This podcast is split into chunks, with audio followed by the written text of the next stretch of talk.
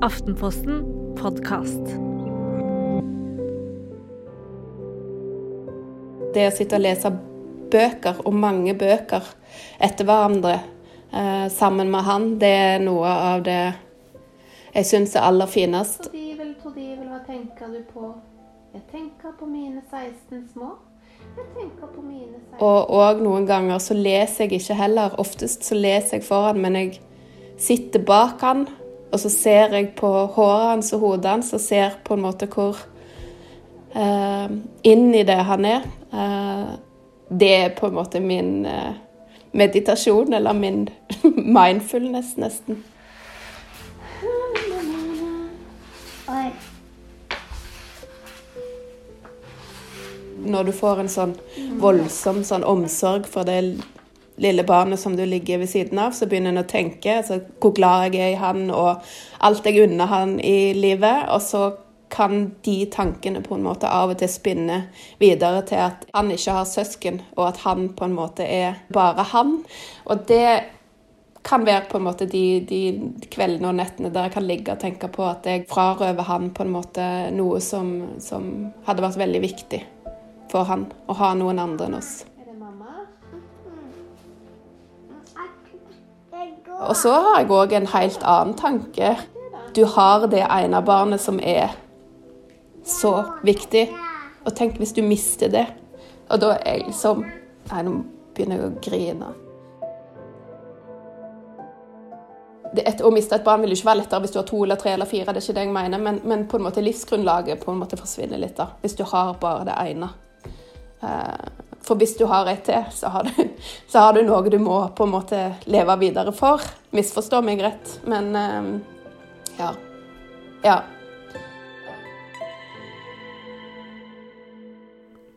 Velkommen til en ny episode av Foreldrekoden og Hedvig Montgomery. Hvor mange barn, søsken, er ideelt i en familie? Én, to, tre, fire eller flere? Det kommer rett og slett an på familien. Ja. Eh, fordi, for, altså for det første så må jeg bare si barn er ikke bestillingsvare. Det er ikke sånn at du kan bestemme deg for antall barn og så være sikker på å lykkes. De kan komme når du ikke har planlagt, og de kan absolutt ikke komme når du har planlagt. Eh, så jeg tror nok at det å kjenne at det ikke bare er opp til deg, eh, det er det nok mange familier som har kjent på. Så noen er utrolig glad for den de fikk, og andre er utrolig glad for dem de ikke hadde planlagt, men det ble bedre enn de hadde håpet. Uh, her tror jeg det finnes all slags historier. Og er det én ting vi vet, så er det at det å tilpasse seg den mengden du får, er rett og slett det er vi ganske gode på. Uh, men det bør jo kjennes ut som det er plass til alle de barna som kommer, at det er ressurser nok til alle de barna som kommer. Og du må jo lage et familieliv som passer til de barna i den livsfasen du har. Vi skal ta for oss ulike sider ved søskenlivet, for å kalle det det, i dag. Eller barneliv, da. Det henger jo sammen. Hvis vi tar dette her med enebarn, eh, der føler jeg at det er ganske mange myter ute og går. Han eller hun kommer til å bli bortskjemt, elendig til å dele og venneløs fordi han ikke forstår sosiale koder.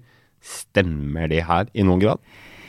Jeg må bare si at det er like stor forskjell på enebarn som det er på folk flest. Eh, Men jeg tror nok at mange enebarn blir gode på å leke alene. Gode på å finne på ting selv. Er vant til å få mye voksenkontakt. Og så hører jeg mange enebarn som sier en ting, og det er at de har av og til følt at det har vært litt ensomt å være eneste barnet. Vil si at de voksne liksom blir så mye. Eh, De kan bestemme så mye, og de blir så store. Man kommer liksom litt i mindretall som barn. Eh, om det gjør noen ting? Nei, altså det de enebarn flest klager på, er faktisk at de er eneste barnet til å ta seg av gamle foreldre Ja. når de kommer dit. Eh, mer enn det er noe annet. Jeg ser, og forskningen sier egentlig, at enebarna blir verken noe særlig bedre eller dårligere enn andre barn, eh, men at de bærer en større byrde i andre enden. Men for, for det er ikke sånn at de, de eh, blir mer avhengige og større problemer med å løsrive seg, bli selvstendige og blir liksom mamma og pappa-dalt eh, langt opp i alderen?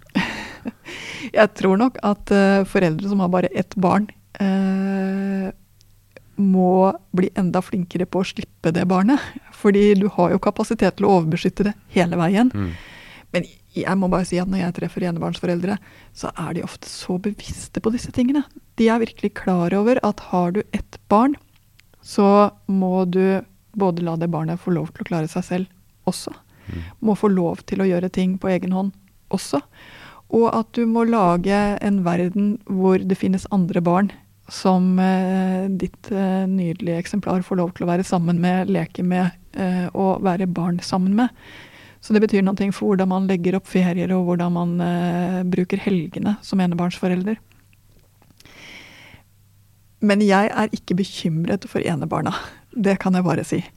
Eh, selvfølgelig finnes det foreldre som har ønsket seg det barnet så mye at det er nesten helt umulig å la ham eller henne dra på en korpstur alene, eller til å, å dra på konfirmasjonsleir, eller hva det nå måtte være for noen ting.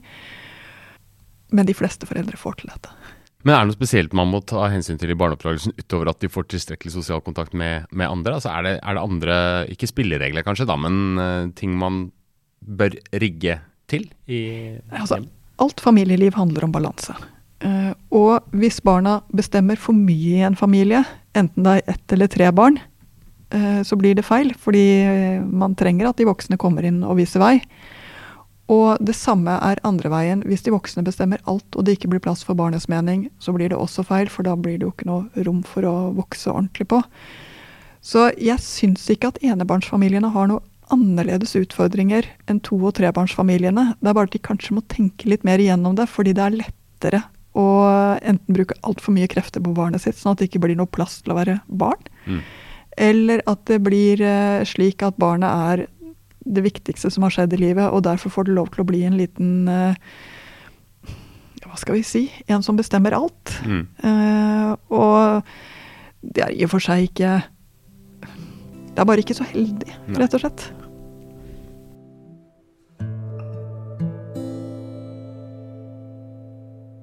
folk er ganske Noen mennesker, når en snakker på en måte om ting som er slitsomt i hverdagen med små barn, eller sånne ting, kan, kan være litt sånn òg Ja, men du har jo bare ett.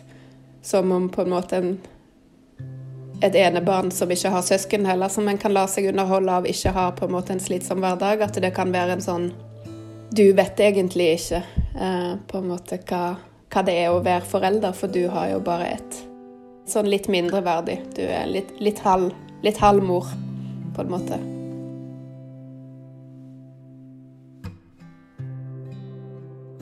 Ettbarnsforeldre kan føle en litt, litt, sånn Jeg vet ikke om man skal kalle det stigma, men en sånn slags forventning om at du er vel ikke helt Ble det ikke noen flere? Ikke noe Hva er det som har skjedd her? Er det riktig, tror du?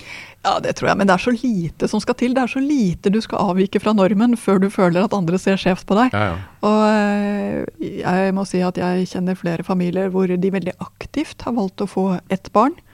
Eh, rett og slett fordi de, det var det de følte var riktig for mm. dem.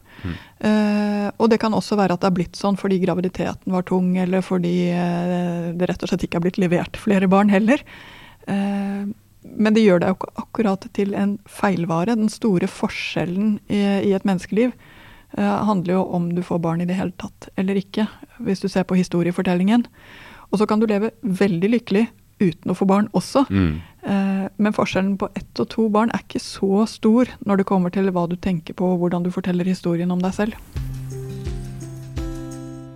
Men alle barnebøker og sånt, der er det alltid en sånn søster Alle de barna som liksom har hovedkarakterene, har liksom en søster eller bror, og så er det kjernefamilien, så er det den perfekte symmetrien på, eller, på en eller annen måte. Er det riktig? Uh, jeg, jeg, jeg, skjønner jo hva du, du, snakker om. Gjennomsnittlig antall barn i familier hvor man får barn, ligger nærmere to. Uh, og det vil si at trebarn- og firebarnsfamilier er uvanlig, og tobarnsfamilier er vanlig. Mm. Så skal du speile den helt vanlige statistiske familien, så vil du ha en familie med to barn. Blir man lykkeligere med to barn enn med tre barn? Nei, vet du hva, det, det, vet jeg ikke så mye om, og forskningen vet heller ikke så mye om dette. Men en av de tingene vi vet, er at tobarnsfamilier er på mange måter en fin balanse. Fordi barna, med mindre de er Nå kan det jo alltid være at man får barn som er så forskjellige at de ikke finner hverandre i det hele tatt, eller at aldersforskjellen blir eh, feil på et eller annet vis. Men stort sett så har jo barna en slags maktbalanse med de voksne det er tross alt en barnegruppe her. Mm. Uh, og barna setter absolutt sitt fingeravtrykk på, på, leiligheten i større grad når det er to barn enn når det er ett barn. Mm, ja. Eh, og jeg tror mange foreldre har kjent på den der at ett barn er ingen, to barn er eh, en hel armé. Eh, det å ha to barn er mye, mye, mye mer enn å ha ett. Jeg skal bare skyte inn at vi skal ikke bare gjøre dette her i dag. Eh, snakke om 1, 2, 3, 4, 5, 6, 7, 8 barn. Vi skal over til det litt mer relasjonelle, men vi skal også først ta denne treerbarnkonstellasjonen. Eh, for hva er det som skjer da?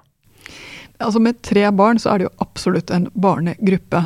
Eh, og det som eh, vi ser i tre- og firebarnsfamiliene også, i og for seg, det er at da har du en veldig forskjell mellom førstemann, som man prøver å feile på, og som ofte har fått for mye strenghet, eh, og yngstemann, som gjerne får for mye, for lite av allting. altså Rett og slett får lov til å klare seg for mye selv, men også får uh, alltid vil være den søteste. Mm.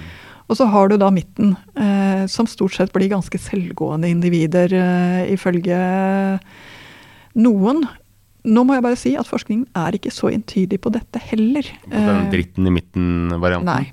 Eh, det er rett og slett ikke så entydig som det vi nesten på folkemunne har gjort det. Mm. Eh, det ser ut som om det er mye større forskjell mellom midtenbarna enn det, enn det vi noen ganger tenker. Ja, Hva mener du da? Nei, At uh, veldig mange barna i midten har det akkurat like godt som uh, nummer tre.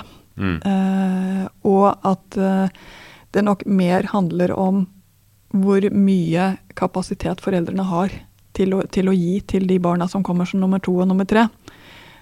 og det handler om kunnskap. Og det er jo også en rar ting.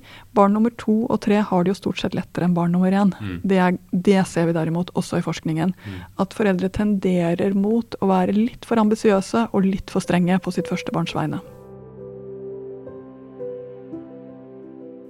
To eller flere søskenkranglene kommer uansett. Og hvorfor oppleves det så tungt og vanskelig? For det kan jo være til dels litt sånn opprivende, det? Uh, ja, jeg må si at får du mer enn ett barn, så får du søskenkrangel. Jeg lover. Mm. Ikke noe hjem kommer unna. Mm. Uh, jeg må også si at mitt forhold til søskenkrangel er uh, også litt grann positivt. Fordi jeg ser at søskenkrangel er barnas måte å vise at de er jevnbyrdige på. Det er deres måte å vise at de faktisk måler krefter mot hverandre på. Så i utgangspunktet så er søskenkrangel rett og slett et tegn på at du har to unger som oppfatter seg som, eh, som ekte. ja. eh, og på linje med hverandre.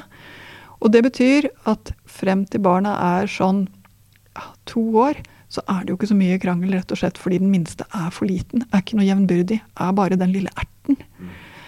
Men så smeller det.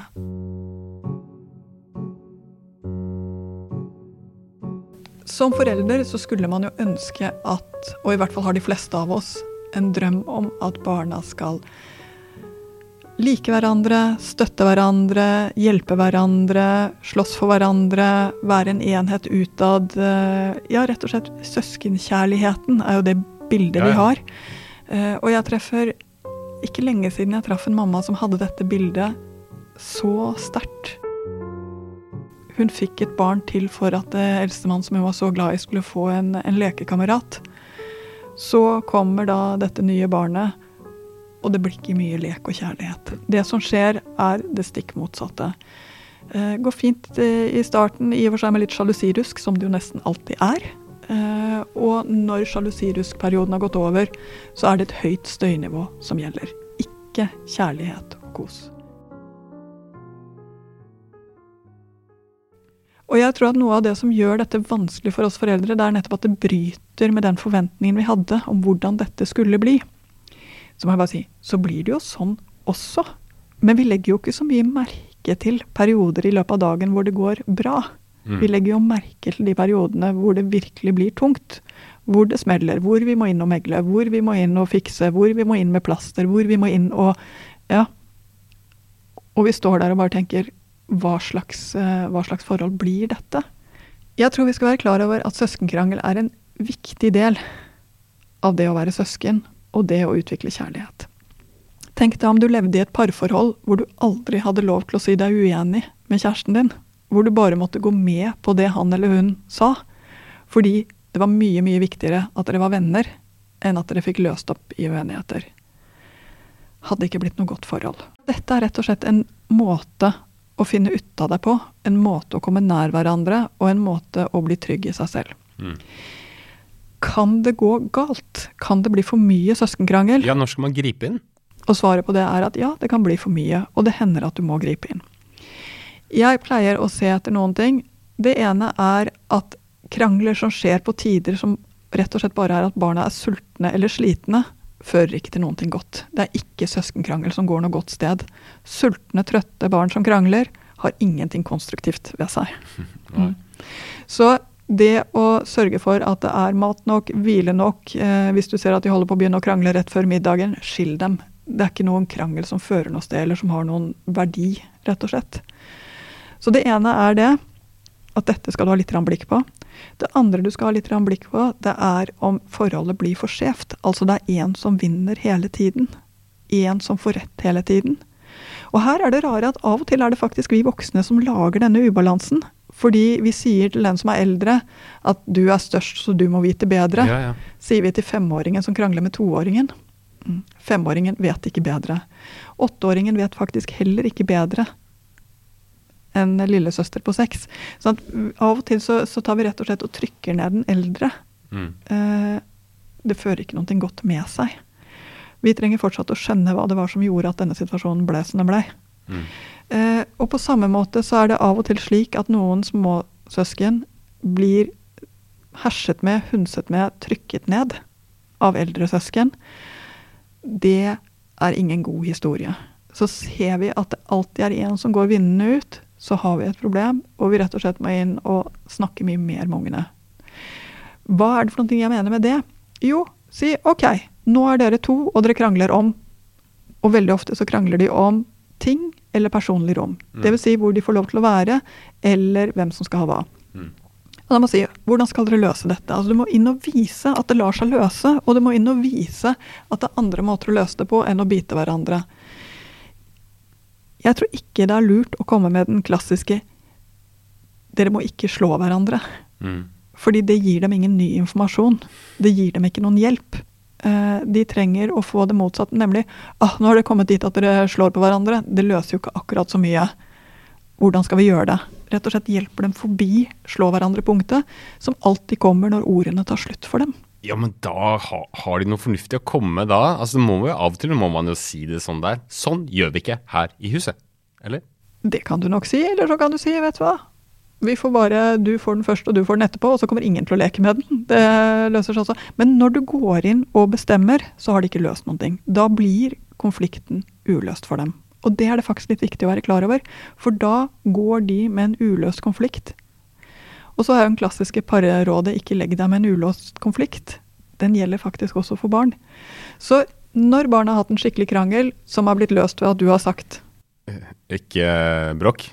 For vi har husregler som tilsier at det ikke er mulig. Nettopp. Da skal du vite at barna faktisk sitter igjen med en uløst konflikt okay. inni seg. Ok. Og når da situasjonen har roa seg, når dere har spist middag, når eh, dere har sett barne-TV, så man kan bare si du, i stad ble litt dumt med lillesøster. Eh, og så sier barnet ja, men hun er alltid så teit. Jeg vet, men hun er ganske fin også.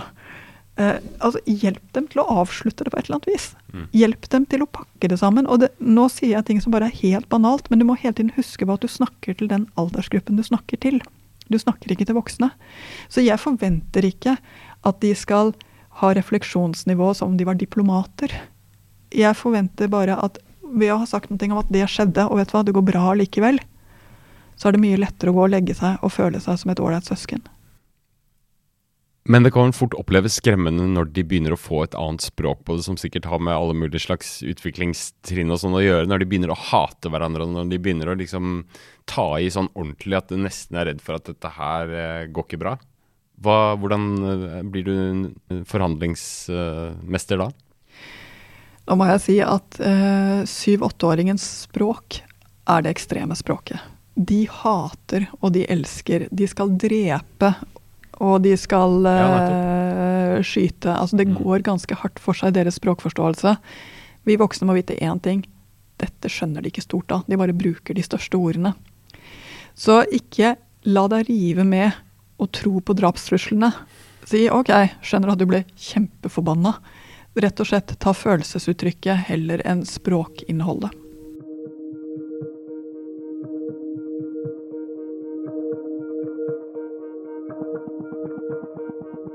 En eh, vanlig hverdagssituasjon er f.eks. Eh, lillebror på fem sitter og skal ta på seg sko.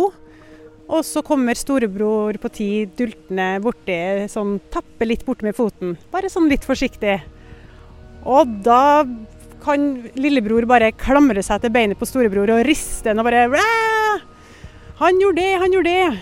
Og så kommer storebror. Nei, jeg bare kom borti. Og så går det fra null til 100, og så er de i slåsskamp eller eh, verbal krig. Jeg står der og bare skriker kanskje tilbake eller eh, prøver å være rolig, men eh, det er veldig vanskelig å være så rolig i en krig.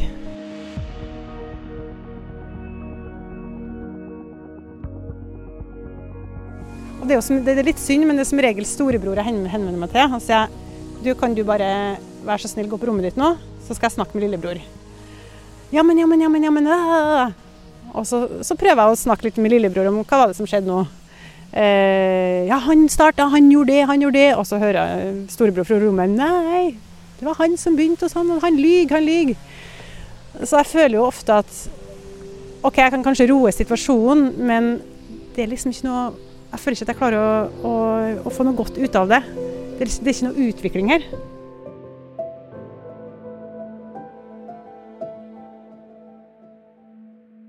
Men hvordan skal man nøste i hvem, hvordan dette egentlig starta? For det er veldig lett å gripe inn i den siste hendelsen, den siste episoden, da det smalt, og rett før deg. Men så kan det jo ha vært erting, og det kan ha vært litt sånn opp oppvigling, heter det.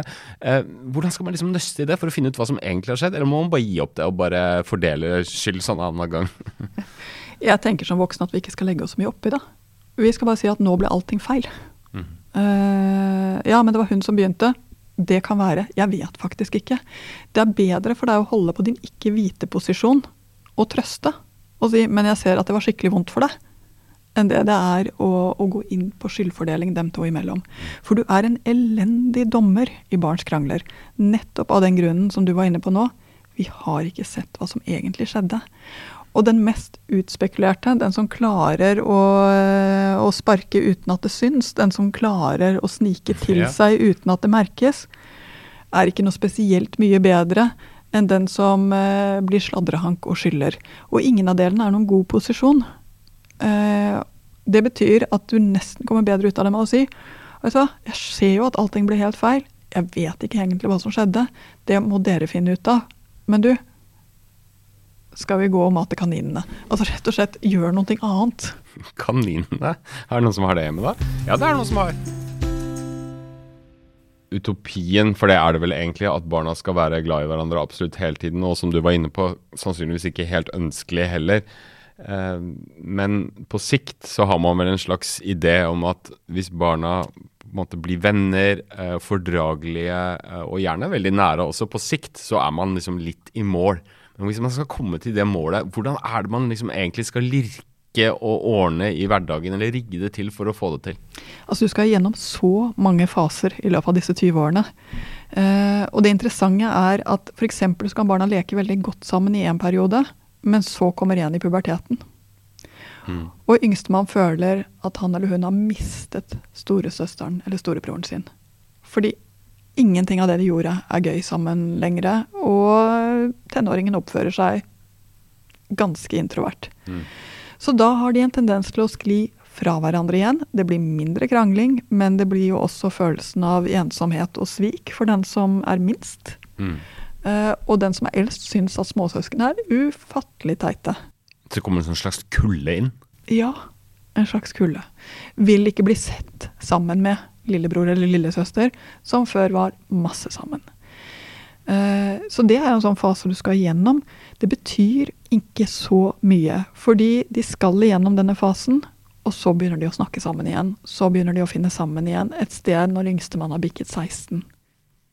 Hva som lager ekte søskenkjærlighet, er jo tusenkronerspørsmålet. Og jeg tror nok at det er noen ting å holde orden på som lager ekte kjærlighet. Det ene er vis frem litt ekte kjærlighet selv. Både til eh, partneren din, til hvert av barna og til barna som gruppe. Der hvor det er en grunnstemning av kjærlighet, er det lettere for barna å lage en kjærlighet til hverandre. Det andre, det er gi dem steder hvor de har noe sammen å gjøre. Rett og slett uh, lekearenaer, ting de gjør sammen, ting de liker sammen. Uh, ting dere gjør som familie. Alle disse tingene husker de mye mer. Og den tredje tingen som jeg tror er ganske viktig, det er at i ettertid så husker barna de fine stundene. De glemmer veldig mye av bråkestundene. Mm. De husker det fine bedre enn det vi husker det. Mm. Det er en eller annen interessant ting med hukommelsen som gjør at vi husker at det alltid var sol om sommeren da vi selv var barn. Det at de har fått lov til å krangle seg ferdig, det at de har fått lov til å finne ut hvem det var som skulle ha badeballen først Så lenge de har kommet frem til det, så har de faktisk glemt det. Så stol litt på hukommelsens uh, positive kraft her. Det er fint, det. Det er fint.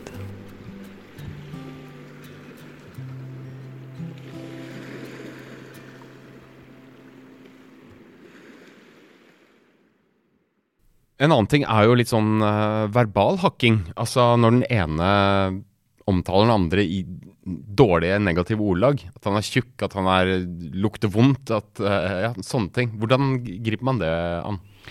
Jeg må si at det der der er utrolig sårt. Både å se, og også for det barnet som blir hakket på. Og her tror jeg nok at det er ikke noe annet å si enn at vet du hva, det der stemmer ikke. Så der kan man være mer kategorisk? Ja, fordi her må den som blir verbalt hakka på, blir stående helt alene og attpåtil på et veldig personlig, sårbart felt. Det handler ikke om deling av vannpistol, det handler om hvordan du ser ut. Og den sårbarheten må jeg bare si, For det første så prøver jeg å minimere den som snakker på den måten, og si vet du hva, det der er ikke sant, kan du bare få en slutt på det? Og så snakker jeg med den andre om det etterpå. Du, at han sier sånne ting, hvordan er det? Jeg rett og slett hører om det. Nei, jeg bryr meg ikke. Jeg vet, jeg skulle ønske han ikke gjorde det. Det har jo ingenting for seg. Jeg er litt sånn tydelig på å støtte den som blir utsatt for det. Hva hvis man opplever at det ene barnet er eh, smart, litt sånn evnerik, føler at mye stemmer, de er gode på skolen og de er gode i fotball og sånn, har mange venner, mens den andre er mer sånn outsider, mer sånn som man tenker på som litt sånn taperske forhold, da. Hva, hvis man får liksom sånne motpoler, er det mulig å bringe de på en måte i, sammen i en sånn slags fin kraft likevel? Altså Det ene det er at å få barn som er ganske forskjellige, er en fin ting. Fordi da har vi løst mye av de konkurransearenaene. De trenger ikke å slåss så mye, for de har hver sin arena. Det andre det er at du som forelder har én jobb. Og det er å elske hvert enkelt av de barna du har fått. Finne noe fint i hvert av de barna du har vært så heldig å få til ditt hus. Og finne de tingene som er rett og slett hvert av barnas sted å strekke seg, lykkes, uh, ha det godt. Og det er ikke så enkelt at én er vinner og én er loser. Da har du ikke sett godt nok etter. Så er det den følelsen du sitter med, gå tilbake igjen og se én gang til. Når du ser noe fint i begge barna, kommer de også til å se noe fint i hverandre.